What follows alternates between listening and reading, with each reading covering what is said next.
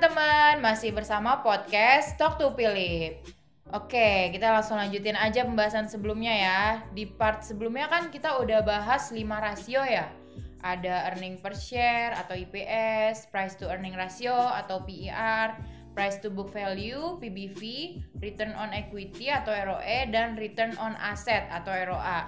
Nah, berarti sesuai janji kita nih Ter, kita masih ada dua rasio lagi Dua yang untuk rasio. dibahas. Kira-kira teman-teman ada yang tahu gak nih kita mau bahas apa nih? Bahas apa Pasti Ter? ada dong. Coba tebak dulu dong, tebak, dulu.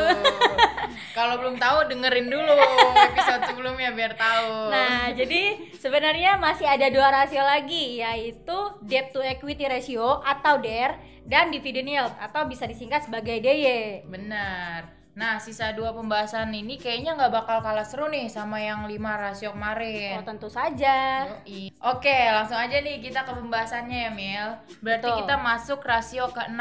Ada debt to equity ratio ya? Nah, ya Ter. Jadi yang keenam ini kita akan bahas debt to equity ratio. Jadi atau disingkat sebagai DER. Jadi DER ini nih untuk melihat besaran utang dibanding modal yang dimiliki oleh perusahaan Ter. Jadi teman-teman bisa memilih perusahaan dengan tingkat DER yang rendah.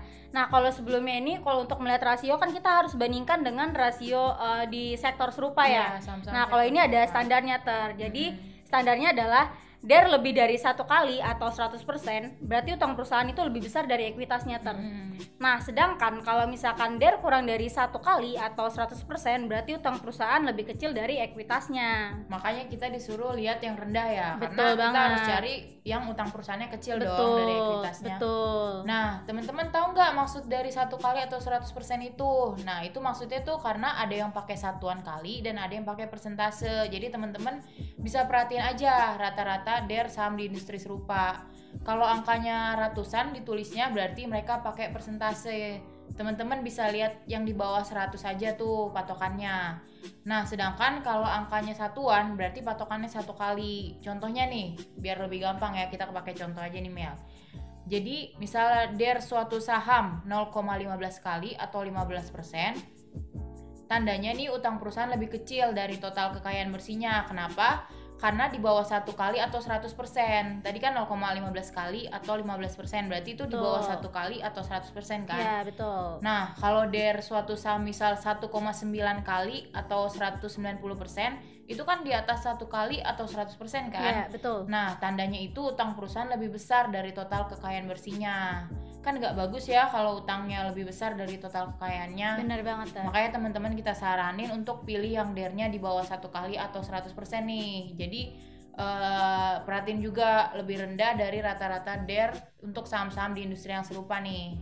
Nah, eh, oh iya Ter, tapi ada juga nih sektor yang menjadi pengecualian. Bener. Nah, jadi kayak sektor tersebut adalah perbankan dan konstruksi. Hmm. Kenapa dikecualikan ter? Tahu gak ter?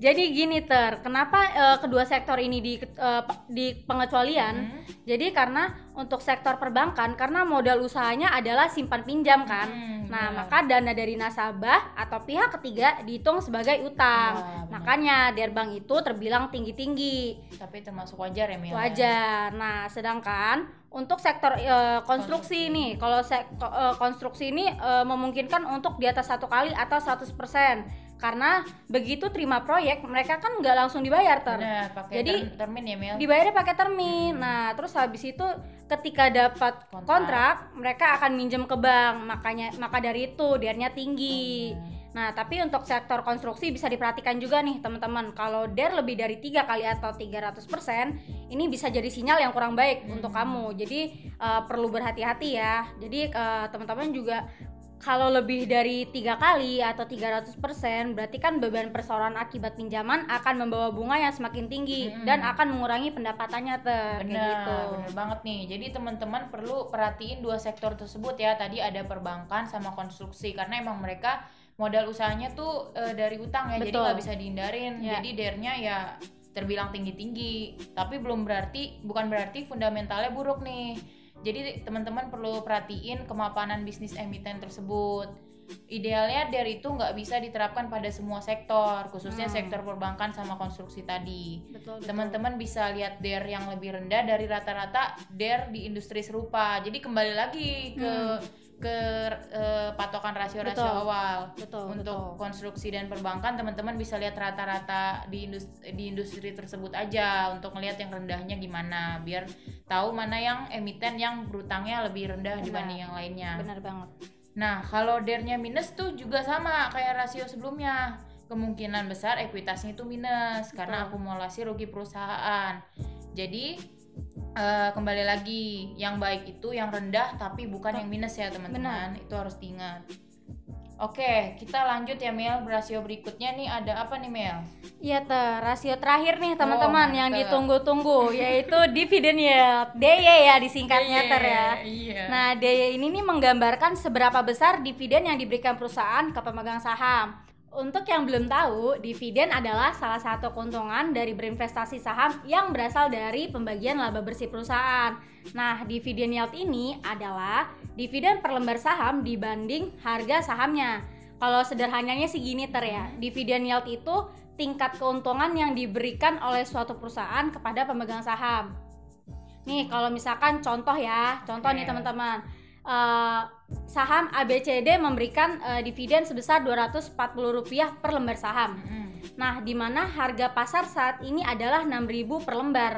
Jadi dividen yieldnya si saham ABCD. Ini adalah 4%. Nah, jadi perusahaan yang memberikan dividen yield tinggi, harga sahamnya akan mengalami kenaikan nih ter, terutama terutama yang eh, menjelang pengumuman dividen biasanya saham-saham tersebut eh, mengalami kenaikan. Oh, berarti kita harus perhatiin yang DY-nya tinggi ya Mel, betul banget. tinggi. Iya, betul banget ter. Oke, buat teman-teman yang mau ma- memanfaatkan momentum naiknya harga saham nih, bisa di- bisa diperhatiin dividen yield-nya. Kalau misalnya dividen dividen yield-nya tinggi nih, kemungkinan harga sahamnya bakal naik pas menjelang pengumuman dividen ya, Ya. Mel. Betul. Iya, kira-kira begitu ter. Jadi teman-teman bisa tahu nih mana yang tinggi dengan melakukan perbandingan dividen yield rata-rata saham di industri serupa ya. Kalau misalkan ada yang lebih tinggi dari rata-rata, nah itu teman-teman bisa banget masuk ke sahamnya Sikat untuk ya, Mel. sikat banget. Jadi kita bisa memanfaatkan momentum kenaikan harga harga pas pengumuman dividen ter. Siapa sih nggak mau harga sahamnya naik ya? Mau lah, semua kayak semua investor mau. Siapa yang nggak mau coba? Saya sih juga mau ter. Oke, itu dia penjelasan dari tujuh rasio keuangan yang bisa bantuin teman-teman untuk melakukan analisis fundamental nih buat milih saham-saham yang tepat untuk dan tahu kapan waktunya beli atau kapan waktunya jual nih biar Betul. makin cuan ya teman-teman. Nah, harapannya sih eh, investasi saham teman-teman bisa makin cuan setelah dengerin dan belajar rasio keuangan ini ya nggak Mel? Betul Lu udah banget. cuan belum ya? Ya, dikit-dikit lah ter. Dari rasio ini kan? Iya, dari rasio ini. Bener, jadi teman-teman perlu dicatat nih info-infonya biar nggak kebolak-balik kan dari tadi ada yang mirip-mirip ya, roe, roa. Nah itu Nah. makanya perlu dicatat nih. Hmm. Oh ya, mau ngasih tahu juga nih ter. Mungkin Mm-mm. ada yang bingung nih pas dengerin bahasan ini ya. Jadi eh, untuk melihat rasio-rasio keuangan dalam perusahaan ini di mana sih ter? Nah itu dia, kita belum spill ya lihatnya Oh di mana iya, ya. betul-betul. Ntar Nih kita- teman-teman nyari di Google kan Iya. ya satu-satu. Padahal ada ada cara Bener. gampang ya. Agak membuang-buang waktu kalau Hmm. misalkan lihat satu-satu. Jadi Hmm. eh, cara yang lebih mudah adalah teman-teman bisa lihat di aplikasi Poems ID. Nah, nantinya eh, teman-teman yang belum download bisa download dulu Iya, ya download dulu namanya sekarang. Poems ID, saham dan reksadana online dan bisa di-download di Play Store dan App App Store. Store. Nah, setelah itu kalau misalkan teman-teman udah download eh, teman-teman bisa Langsung login login aja. ya betul nanti pilih Prostock lalu nanti di menu atas nih ada menu search bisa ketik nih kode Kode emiten sahamnya. saham yang eh, teman-teman pengen lihat rasionya ya. Mm-mm, betul. Nah nanti klik sahamnya. Nah setelah itu nanti di sudut kanan atas nih ada klik more info Oh ter. iya benar. Nah dari situ nanti ada deret, eh, pas diklik ada menu deretan eh, menu overview, gitu-gitu. chart. Nah nanti tinggal digeser aja ke kiri. Nah nanti teman-teman bisa klik eh, menu fundamental. Nanti di situ kelihatan deh rasio-rasio yang udah kita jelasin tadi. Jadi Lengkap tem- ya Mel semuanya Oh lengkap ya. banget, POEMS Oh, gitu loh. Jadi teman-teman bisa cek nih ataupun bisa ngebandingin dengan saham-saham lainnya. Bener, mudah banget kan teman-teman. Mudah dong, masa sih nggak bisa sih? Nah, ada lagi. Itu udah mudah, ada lagi yang Aduh, mudah, ya. gila sih ter, Gokil, kurang kan? gokil banget sih parah Nih, gimana gimana? Teman-teman bisa login melalui desktop nih, pakai ProTrader Oh, ataupun iya. website betul, poems.co.id. betul, Jadi tinggal pilih mau download ProTrader di desktop ataupun website Betul. bisa. Nanti teman-teman bisa login terus mengakses fitur stock screener, screener namanya. Nah, betul. Di situ teman-teman bisa langsung masukin sektor. Teman-teman misalnya milih se- sektor industri. Nah, di sektor industri itu langsung keluar saat kumpulan saham-sahamnya Ya. dan di situ langsung kelihatan rasio-rasionya. Jadi langsung bisa ngebandingin tuh di tabel itu langsung muncul semua. Jadi Gampang lebih mudah kan? ya, Ter, ya? Gampang banget nih. Kurang apa lagi poems nih? Oke. Nah, jadi untuk eh, cara akses dengan gampang, kalau dari ProTrader kan tinggal klik menu analisis terus pilih stock screener. Iya, benar. Nah, kalau dari website itu jadi teman-teman bisa klik menu research terus di sebelah kiri teman-teman klik eh, stock, Stock screener, screener, gitu. Pokoknya ingatnya sih di Poems ID itu ada di more info ya, Ya. fundamental. Sedangkan kalau di ProTrader ataupun Poems eh, website poems.co.id teman-teman bisa di stock screener. Betul banget. Gampang kan teman-teman? Nah, kalau pakai Poems emang serba gampang deh. Aksesnya dong. mudah, fiturnya Iya. canggih-canggih kan, Mel? Lengkap banget, Lengkap. Ter. Apa sih yang nggak ada gitu kan, Hmm, Ter?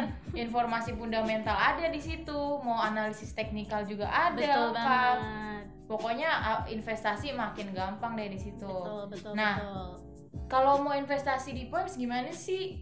Eh, kalau belum investasi, nah teman-teman bisa download aplikasi Poems ID tadi, terus tinggal klik open account. Nah di situ tinggal isi data-data Betul. dan bukanya bisa full online Mel. Oke, berarti lebih cepet dong, Lebih Ter. cepet. Kurang apa lagi coba? makanya.